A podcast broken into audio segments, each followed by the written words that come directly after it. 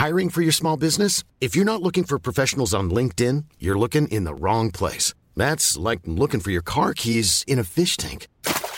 LinkedIn helps you hire professionals you can't find anywhere else, even those who aren't actively searching for a new job but might be open to the perfect role. In a given month, over 70% of LinkedIn users don't even visit other leading job sites. So start looking in the right place. With LinkedIn, you can hire professionals like a professional. Post your free job on linkedin.com slash people today.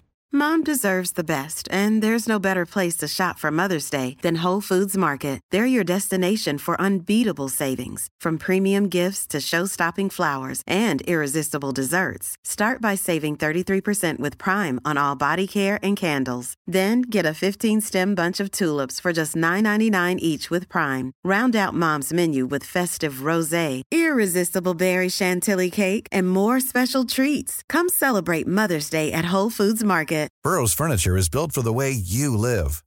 From ensuring easy assembly and disassembly to honoring highly requested new colors for their award-winning seating, they always have their customers in mind. Their modular seating is made out of durable materials to last and grow with you. And with Burrow, you always get fast, free shipping. Get up to 60% off during Burrow's Memorial Day sale at burrow.com slash ACAST. That's burrow.com slash ACAST. burrow.com slash ACAST.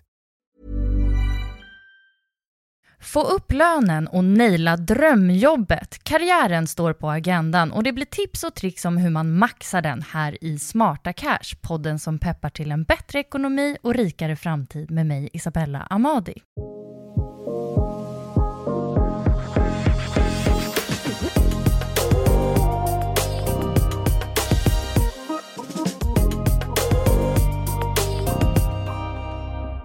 En viktig del av privatekonomin är ju inkomsten och den har vi nog inte pratat om så mycket här i Smarta Cash. Men det blir det ändring på idag för jag har ett fullspäckat avsnitt med två fantastiska gäster, nämligen duon bakom Karriärpodden Off Topic. Välkomna hit Apollonia San Contreras och Afrodite Dastori. Hej! Tack så mycket. Hej! Kul att vara här. Så mysigt att ha er här.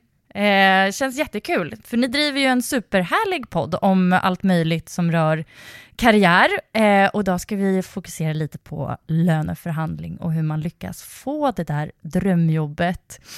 Eh, men för de som inte känner er än, eh, kan ni inte bara berätta lite om er själva och eh, ja, vad ni jobbar med kanske? Ja, ja men absolut. Och det är så roligt för att vi, den här frågan hade vi, förra veckan så hade vi ett avsnitt om det här med jobb, eller vi har ett avsnitt som kommer släppas om jobbintervjun. Och då sa vi att den här frågan om berätta om dig själv, den dyker ju alltid upp. Så att liksom man borde nästan ha en liten sån här liten pitchdeck färdig. Nu har vi inte det. Men... Nej, det är alltid svårt att den frågan. Men vi ska göra så gott vi kan. Vi ska göra så gott vi kan. Ja, men, men jag, mitt namn är då Afrodite eh, och eh, jag jobbar egentligen som marknadsföringskonsult. Så att jag är konsult som hoppar runt på lite olika bolag och hjälper eh, varumärken vad gäller brand management och varumärkesbyggande eh, och gör det här i, vad kan man säga, som egen företagare. Men på sidan om så driver jag den här podden tillsammans med Apollonia och massa annat roligt som vi gör tillsammans. Mm. Ja, men så spännande. Eh, och det är jag då som är Apollonia. Eh, jag jobbar med PR eh, på ett bolag inom outdoor och sport eh, som jag då kombinerar med, med podden som jag har med Afrodite där vi snackar karriär varje vecka, vilket är superkul. Eh, Och sen så kör jag lite rådgivning och eh, styrelseuppdrag vid sidan av, vilket är superkul. Mm, så vi har liksom, vi är väl typ definitionen för att inte ha liksom en karriär utan snarare ha flera små. Ja, men flera olika plattformar att stå på, vilket är så härligt. När någonting tar energi så kan man hitta det i något annat eh, och dra liksom synergier och massa fördelar. Så det är så spännande att ha den typen av karriär. Ja. Så då är Afrodite, du är alltså egenföretagare eh, och Apollonia, du är anställd och lite egenföretagare. Ja, men exakt. Jag är en liten hybrid. Lite blandbasvalp. Underbart. Eh, kan vi inte eh, börja det här eh, avsnittet lite om i, liksom i den änden man står utan ett jobb eh, och i det här, man står och letar bland jobbannonser. Det är hur många som helst och samtidigt inget man vill ha och fram och tillbaka. Alltså en grej som jag alltid hakar upp mig på, det är ju det här äh, själva spesen på kvalifikationer. Eh, hur tycker ni att man ska tolka den här liksom, kunskaps och erfarenhetskraven? Eh, ska man liksom skita i att söka om det är alldeles över ens huvud, eller ska man våga ändå? Hur tänker ni? Ja, men jag tycker att man ska se det lite som att det är en önskelista eller en fingervisning på vad bolagen vill ha.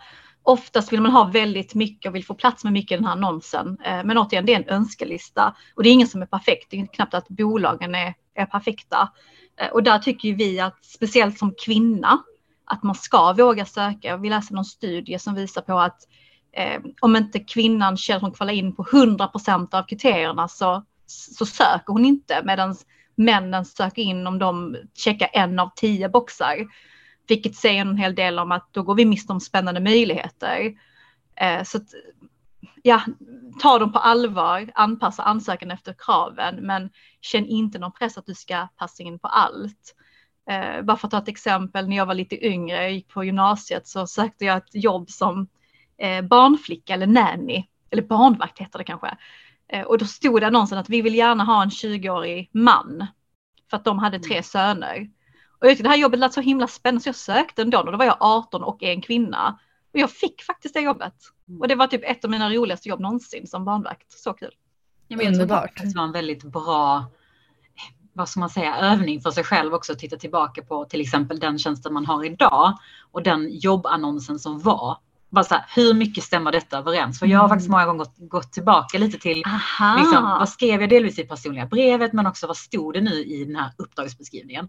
Och ofta så låter det ju så himla mycket mer flashigt och det är så många fler års erfarenhet, men jag vet inte vad, än verkligheten är. Så man ska absolut, tror jag, precis som du är inne på, Plana, inte liksom se det som en checklista utan snarare en så här, vad ska man säga, önskan eller, eller mm. riktning. Ja, och sen också när man har varit på andra sidan bordet och varit den som har anställt eh, och träffat kandidater, då har man ju också varit flexibel och kunnat anpassa efter personen för att man har kommit så bra överens, har funnit liksom värderingar som matchar och mycket annat som stämmer överens. Att man då eh, kanske skiter i det där tionde kravet för att det finns så mycket annat som väger upp. Så att nej, nej, se det som önskelista och sök om du är intresserad. Mm. Ja, och ofta vill man ju också söka ett jobb för att utvecklas, tänker jag. Man vill inte kunna allting från start heller. Det är ju lite poängen med alltså, en karriärsutveckling, att man ska ha en trygg bas någonstans, men också få prova lite nya ansvarsområden och testa. Ja. ja. Men så det bästa tipset när det gäller det är kanske att det är klart att man ska läsa dem. För det finns ju många, många bra nyckelgrejer i de här annonsgrejen, liksom listorna på vad folk söker. Men att kanske inte liksom ta dem som ett lika med tecken. Mm. Eh, och när man skickar in sitt CV då, alltså ett tag så var det så här, parfymera ditt CV, eh, låt det sticka ut, Gör, ta neonfärger, liksom. Eh, är det här något man ska lägga tid på nu för tiden? Alltså det beror på vilken typ av disciplin eller område, bransch man jobbar i. Jag kan tänka mig, är man en kreatör, man jobbar som creative director, då kan det väl vara värt att man ändå visar sin kreativa ådra i sin ansökan. Men ett klassiskt eh, corporate jobb som menar, inom sälj, marketing, ekonomi, I mean, keep it simple. Det får inte bli för icke läsvänligt för det, det pallar man inte heller titta på. Och det kan, det kan nästan ta över så att liksom din personlighet och dina uspar, kompetens försvinner i den här neongröna färgen.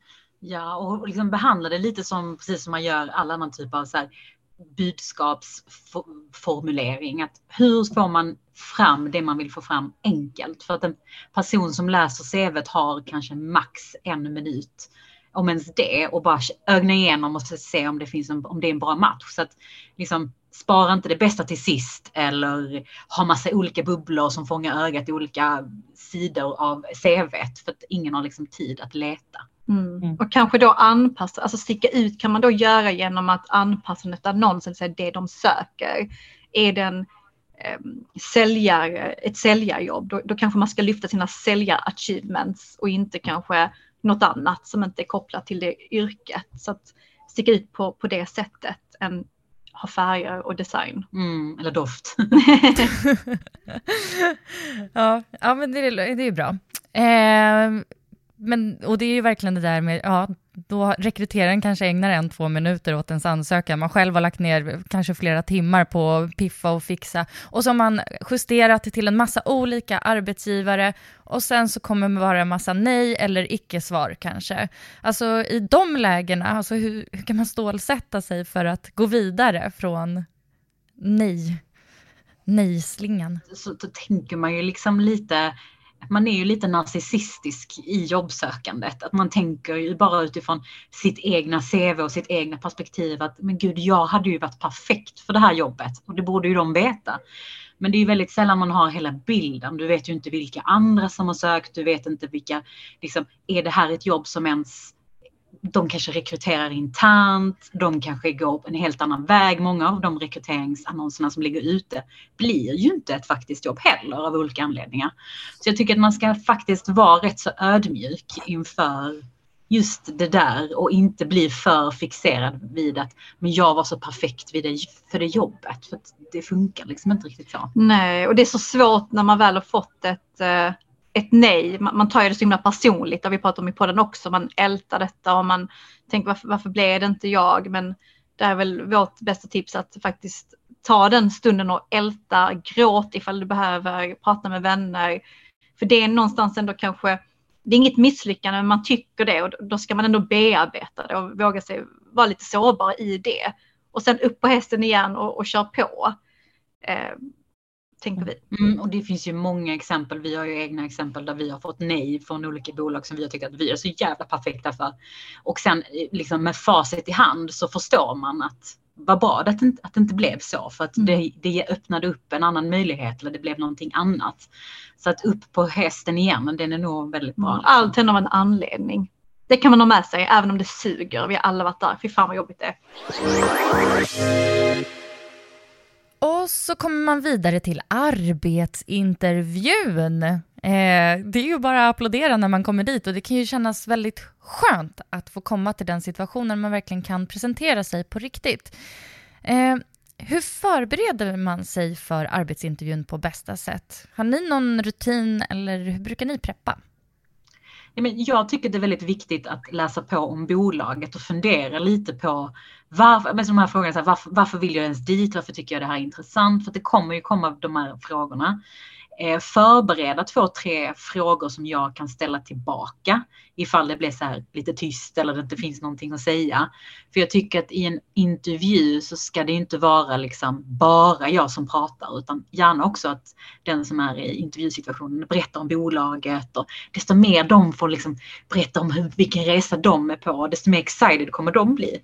Så det tycker jag är ett bra knep, knep att ha med sig in inför en intervju. Mm, och ju mer information får ju du som sitter på andra sidan bordet. Att låta dem prata så säger de saker som kan säga saker mellan raderna. Mm. Kanske eh, lite red flags. Kanske lite red flags eller good flags. Mm. eh, men låta dem prata, som Afita var inne på, det är ju en intervju även för dig att intervjua dem.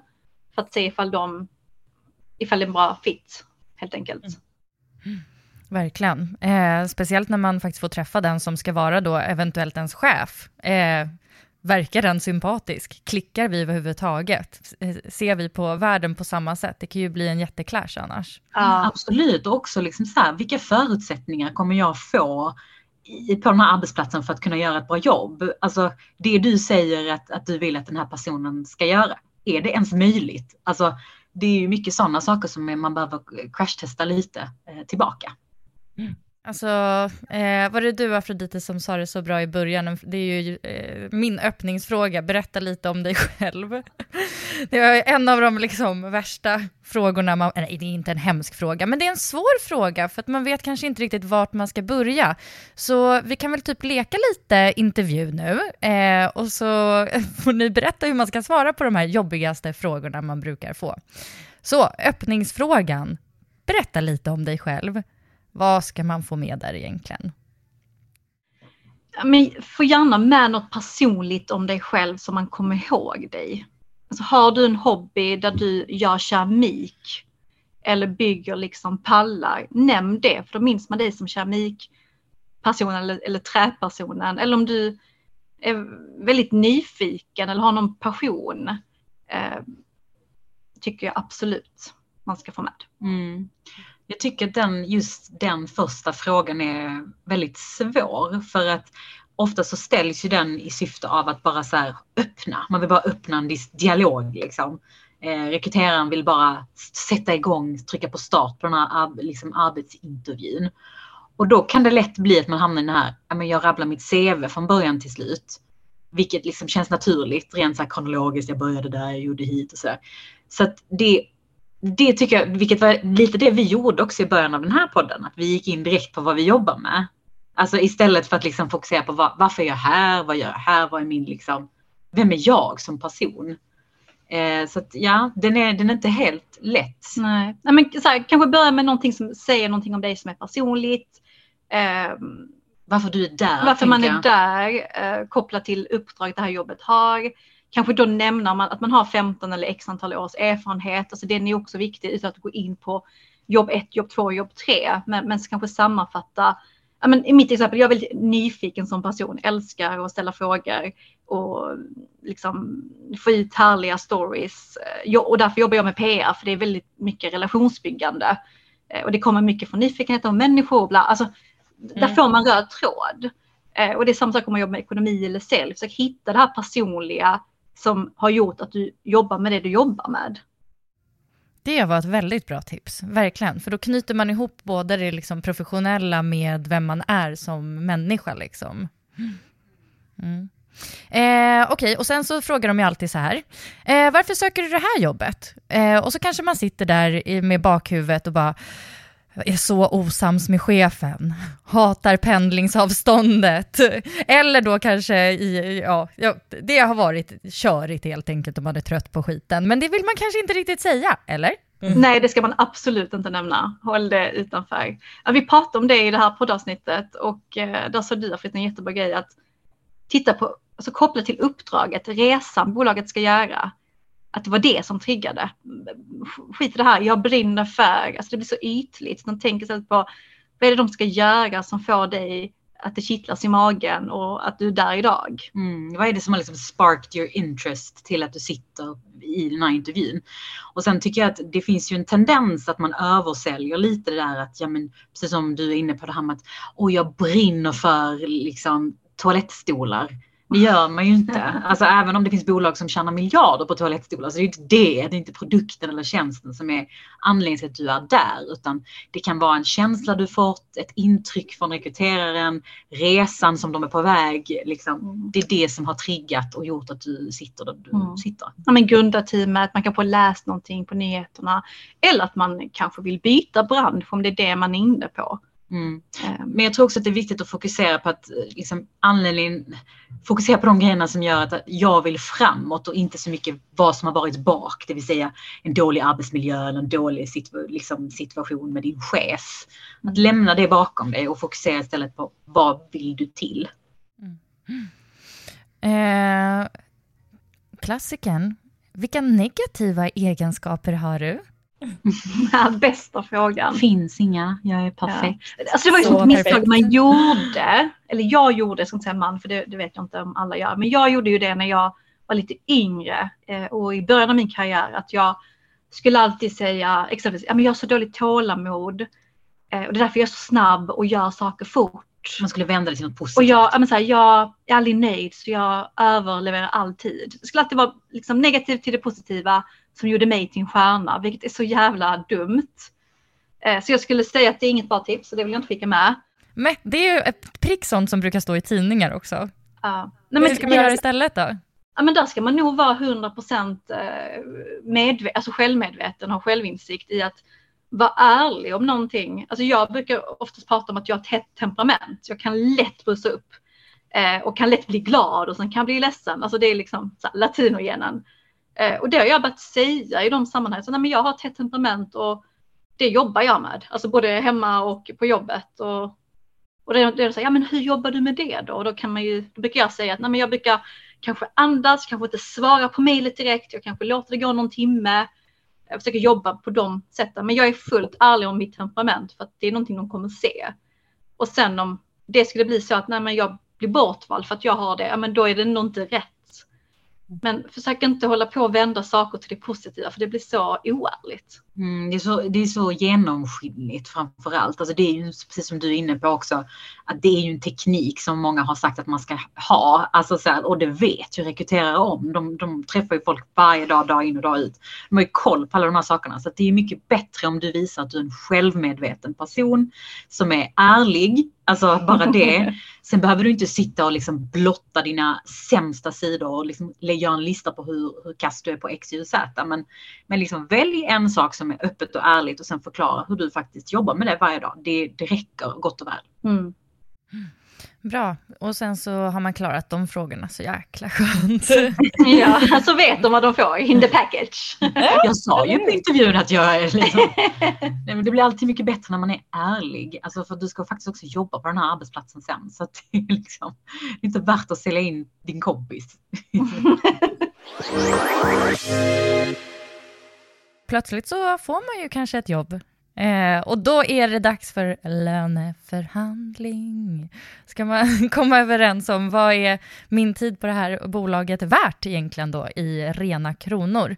Eh, vad tycker ni är ett bra mindset att ha när man går in och ska förhandla lön? Ja, men någonstans att båda ska vara nöjda. Det, det är ju den bästa eh, förhandlingen eller överenskommelsen. Eh, jag tror det är viktigt att man också är påläst, att man vet sina rättigheter. Man har kanske kollat lönestatistik, man har bollat med branschkollegor som har liknande jobb. Ehm, och eh, ja, men helt enkelt är påläst och gå in med ett självförtroende. Det blir enklare än om man... För det är jobbigt redan som det är att gå in och så här, sätta ett värde på sig själv och ska man övertyga den andra. Men att vara påläst. Ja, men och liksom förbereda sig väl, kolla upp eh, på bästa möjliga sätt. Var ligger den här typen av tjänster? Eh, och det kan man göra på många liksom, olika sätt. Man kan ju ta kontakt med facket till exempel. Man kan kolla med kollegor och vänner. Man kan också faktiskt kontakta Skatteverket och fråga efter en viss persons eh, årsinkomst. Det är ju offentliga liksom, uppgifter. Det har jag gjort. Man känner sig lite som en spion när man gör det, men det är ingen som vet att man har kollat upp det heller. Det är bara att ringa till Skatteverket och säga, hej jag vill kolla upp person X, den har det här personnumret, man behöver inte ha de fyra sista siffrorna, så får man ut hela förra årets eh, eh taxerade inkomst kanonbra sätt om man vill snika. Så. Verkligen, och det kan man göra då om man vet en, en person som har en liknande tjänst. För då får man ett, ett hum om mm. var lönen ligger. Eh, så att förbered er, läs på. Ja, precis. Jag tror att det är den första också, också för att få bukt lite på den här nervositeten som faktiskt är i att ha en löneförhandling. Att desto mer förberedd du är, desto mer du har kollat upp saker, desto mindre kommer du darra på rösten. Men vågar ni fråga era kompisar och bekanta om vad de tjänar i lön? Nära vänner, absolut. Vi pratar jättemycket lön liksom i klicken och när det kommer till branschkollegor så brukar jag ödmjukt fråga och säga som det att nu är jag en förhandling, eh, vi har ju liknande roller. Jag tänkte säga den här siffran, skulle du säga att den är för hög eller för låg? Du behöver inte säga vad du tjänar. För man har ju själv varit där när, när vissa har ställt så här, vad tjänar du? Och då blir man lite ställd om inte det är ens bästis. Och där tycker jag att man ska ha lite respekt i att kanske ställa en öppen fråga, be om tips än att mer gräva i någon annans privatliv. Mm. Och många är ju olika, man får ha respekt för. Vissa pratar ju väldigt öppet och gärna om lön och är väldigt bjussiga med det. Medan andra tycker liksom att det är någonting som är privat för mig. Så att man, man, jag tror att det är viktigt att ha lite ja, men respekt för att alla inte tycker samma i den frågan. Så att det, det mm. sättet att göra, att liksom lägga upp det snarare som ett spann eller liksom fråga efter en, en viss summa, så här tänker jag, är ett bra sätt att komma från liksom det här med vad tjänar du? För det kan bli rätt så brutalt. Om, ja, om man inte är bästis eller familj känner jag, då, då kan man ställa frågan. Ja, det finns till och med bästis och familj som tycker det är lite obekvämt. Ja, det fanns sant. Alltså det är så här, folk har olika gränser för mm. vad som är okej okay, och det är det är lite tisslande och tasslande kring vad man tjänar. Det är känsligt och därför måste vi prata mer om det. Men man ja. kan prata om det utan att säga vad man faktiskt, alltså, utan att säga den faktiska siffran. Ja. Genom att då säga ett spann eller ge liksom en tumme upp om man är rimlig eller inte i sin löne, sitt löneanspråk. Blinka två gånger för ja. ja. Men alltså löneanspråk är ju verkligen svårt. Eh, alltså en, en, ett fel som jag känner att jag själv ofta gör, det är att jag börjar förhandla med mig själv innan jag ens levererar löneanspråket till chefen. så liksom, ah, jag tänker mig att jag ska få den här lönen, nej, nej men det är alldeles för mycket av den här och den här eh, anledningen, och så går man ner och så går man ner och så går man ner, och när man väl sen då säger sitt löneanspråk till chefen, då har, kommer ju den alltid förhandla ner det. Det är ju lite den, det är ju så ändå psykologin ska funka sen, det är en förhandling. Eh, alltså hur ska man hur ska man sätta ett bra löneanspråk? Ska man, all, ska man liksom lägga sig, jag vet inte, fler, alltid flera tusen över vad man egentligen vill ha? Eller hur ska, vad, vad är liksom, vad, vad för taktik? Ja, men alltså, det är en så rolig fråga, vi har pratat mycket om det i podden. Och där är nog vårt bästa tips att säga en siffra som gör att du skäms. Mm. Och den brukar ligga på 5000 plus det du tänkte. Beroende på vem man frågar. Men ja, i snitt. det var det liksom. Ja. Men, men, för det finns ju faktiskt en metod som, som kallas anchoring. Som man använder just i förhandlingssyften. Och det handlar om eh, att liksom ankra en summa som blir lite standard. För att när du, när du är först på bollen och säger en summa så har du redan lagt liksom ribban. Eh, och det kommer vara den summan som man utgår ifrån. Är det lite högre än vad de har tänkt så kommer de prata om det. Är den lite under så kommer de förhoppningsvis också prata om det. Men så att det, ibland kan man ju få känslan av att jag måste säga summan, eller att den personen som rekryterar ska säga summan först. Men vi tror faktiskt tvärtom att det är bättre att du kommer med någonting som liksom ankrar en viss nivå helst då den här 5000 kronor mer. Liksom. Mm. Vi... Mardrömmen är ju lite liksom att om man, om man kommer med ett löneanspråk så har man lagt sig alldeles för lågt och chefen bara säger okej okay, absolut du börjar imorgon och man bara oj vänta. Men, men just därför tror jag att man ska prata om lön och förmåner ganska tidigt i intervjun och fråga vad ligger ni? Så att man vet, så att man inte tar varandras tid. För att är det liksom ett jobb som har 15 000 lägre än vad du tänkt dig, då är det ingen idé att gå vidare i alla dessa processer. Men sen vid löneförhandling att man då kanske säger en siffra. Men våga fråga tidigt om var, vart de ligger.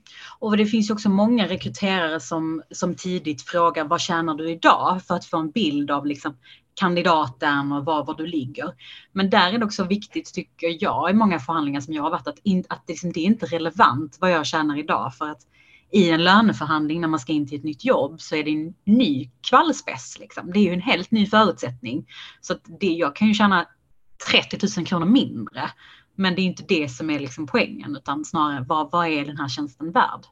Just det. Vilka är de bästa argumenten då? Alltså har ni någon sån liksom eh, topplista? Säg det här på intervjun så kommer det gå bra. Alltså den är lite svår för att precis som allt annat så, så pratar vi om människor och det finns ju alltid den mänskliga faktorn. Vissa tycker om när man är väldigt hård och är på i förhandlingar. Andra uppskattar inte det och tycker liksom att det är lite rude.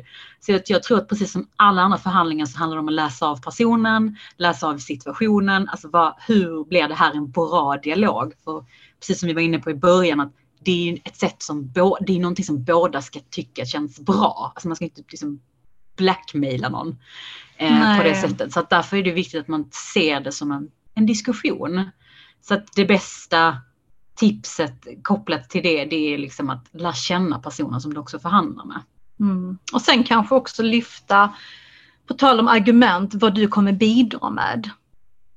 Och det är ju skitnice när man jobbar med eh, hårda kopior, alltså siffror. Då kanske man kan säga att men i mina tidigare uppdrag har jag gjort detta, detta, detta. Och detta kan jag ta med mig i kundbas eller försäljning och så vidare. Men jobbar man med lite mer mjuka discipliner som vi gör inom marknadsföring och PR, då får man titta på de aspekterna eh, och försöka kvantifiera dem på något sätt.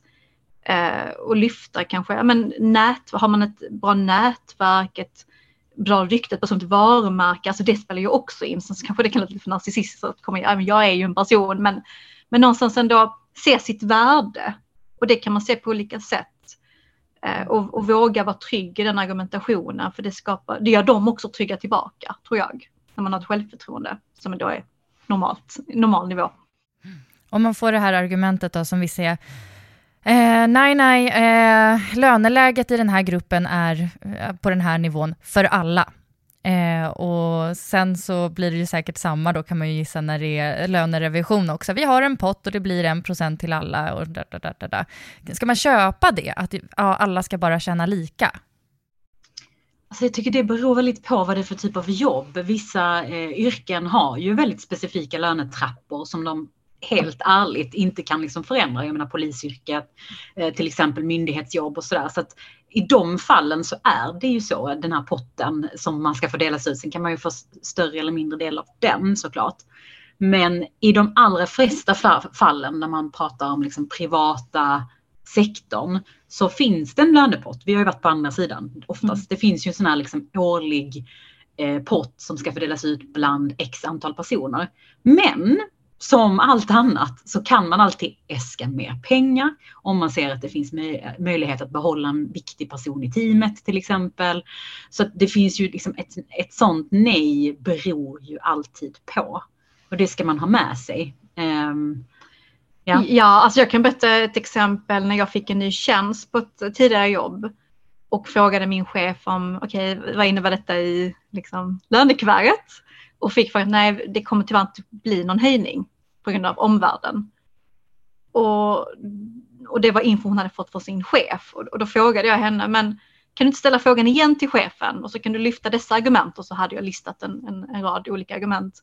Och så kom hon tillbaka och sa att nej, tyvärr det gick inte. Och då sa jag, men du, kan inte jag få prata med din chef då? Sätt upp ett möte så ska jag förklara. Och jag fick upp min lön med några tusenlappar. Så man ska Snyggt. inte ta ett nej.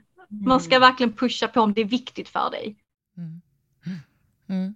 Väldigt coolt. Eh, eh, inspirerande. För man, eh, det är ju lätt att liksom chicken out där någonstans på vägen och bara, nej, okej, okay, jag backar, hej. Det men, det är så, men det är så lätt också att, att, eh, att backa och jag tycker också, också att någonstans så får man också respekt för att det finns en omvärld, det finns en ekonomi i bolaget.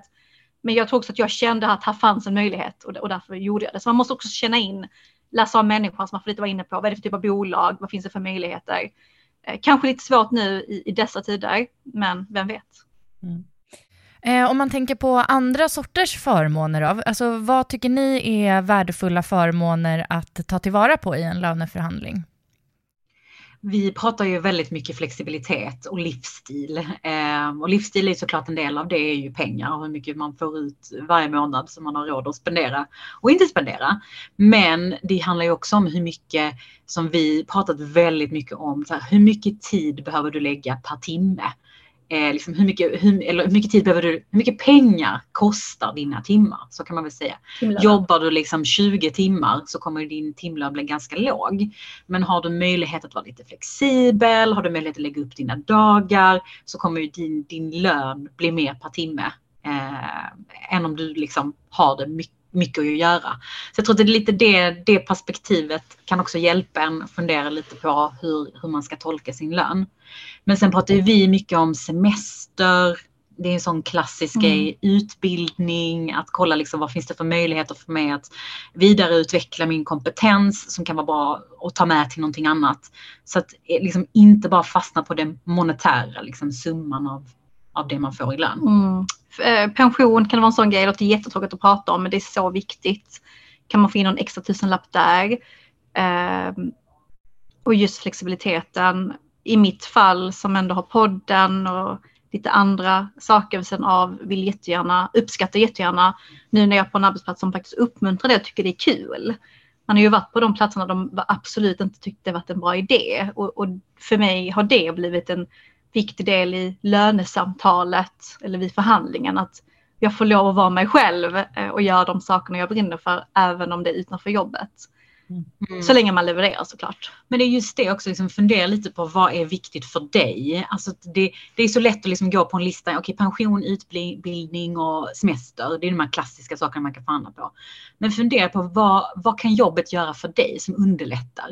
Eh, vi har eh, en bekant till oss till exempel som har småbarn som har fått ihop det mycket lättare med sitt liv genom att jobba på kvällen. Det var en sån liksom anpassning som hon fick göra med sin arbetsgivare där hon kunde liksom hämta lite tidigare på, på förskola eller vad det var. Eh, och, och, det är sånt som jag tänker att man får tänka på. Vad, vad skulle få mitt liv att bli bättre som, som är egentligen enkelt löst för bolaget att, att göra. Mm. Som inte kostar. Mm. Superbra ju. Eh, eh, innan vi lämnar det här med löneförhandling så måste jag bara fråga också, finns det något man absolut inte ska säga när man sitter där?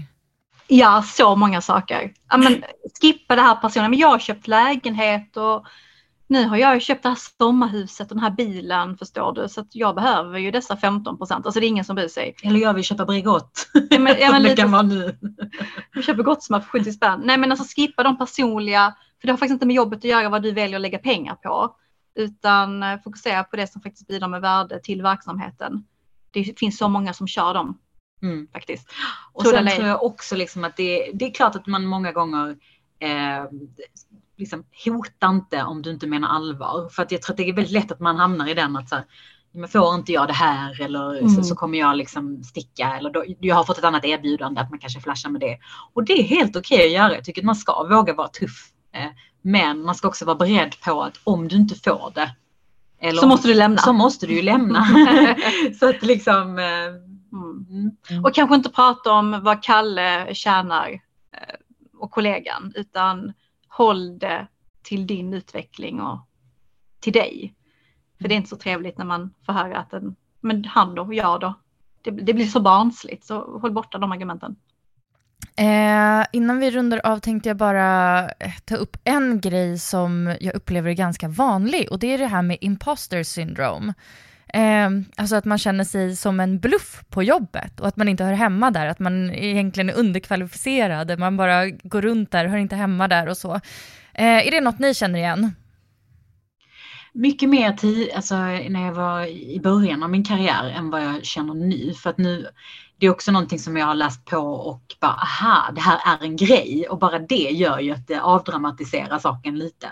Att okej, den där självförtroendedippen jag har, det är någonting som kallas imposter syndrome som alla tydligen har. Eh, så att absolut eh, har jag i alla fall personligen känt så. Särskilt märker jag liksom i sammanhang där jag befinner mig med många män. Har jag märkt att liksom i, om det är ett möte där det är jag den enda tjejen så kan jag liksom känna lite så här ibland imposter syndrome att okej nu, nu är jag insläppt i det här rummet som alla pratar om som ingen har tillgång till. Och liksom att gud vilken fraud jag är. Men, men det har faktiskt försvunnit mycket mer på, på senare tid. Hur kan man eh, jobba bort det? Men jag tror att det, det är just att vara medveten om att det finns en sån här rädsla bland många människor. Alltså det är ingenting som liksom är bara jag eller min granne utan det är faktiskt de allra flesta känner någon gång sådär, sig lite så här som en fraud. Det avdramatiserar det, det hela. Att också känna att jag är i det här rummet för att jag har den här kompetensen. Jag är inbjuden av en anledning. Att liksom boosta sig själv lite grann. Det tror jag också är viktigt. Eh, att det, det jag tycker att vi har pratat mycket om det här också i, i podden att folk snackar så mycket om att de vet och kan Mm. och, och liksom har koll på allt. Men det är inte så. Alltså det är väldigt få människor som vet allt och det är inte meningen att människor ska kunna allt. Utan man är där för sin egna liksom, specialistkunskap och det är good enough. Fint. Stort tack för att ni var med här i podden. Tack för att Ja, vi men var tack. med. Det Så var kul, så kul att prata med dig, bra frågor, verkligen. Jättekul att ha er med. Eh, och om man eh, också är lite nyfiken på er och er podd och vart ni finns, var hittar man er? Där poddar finns tänkte jag säga. Nej men off topic med Afrodita Apollonia eh, kan man söka på Spotify eller podcastappen eh, eller på Insta offtopic.podcast hittar man då oss. Eller privat Apollonia SE på Instagram. Jag får dit det där story på Instagram. Kanon. Och Där LinkedIn. också- Och LinkedIn också. Ah. Underbart. All social platforms. Ja, det att skriva om jag frågar, så kul. Kul. Jättestort tack till dig som har lyssnat på det här också. Vi hörs igen nästa vecka. Hej då!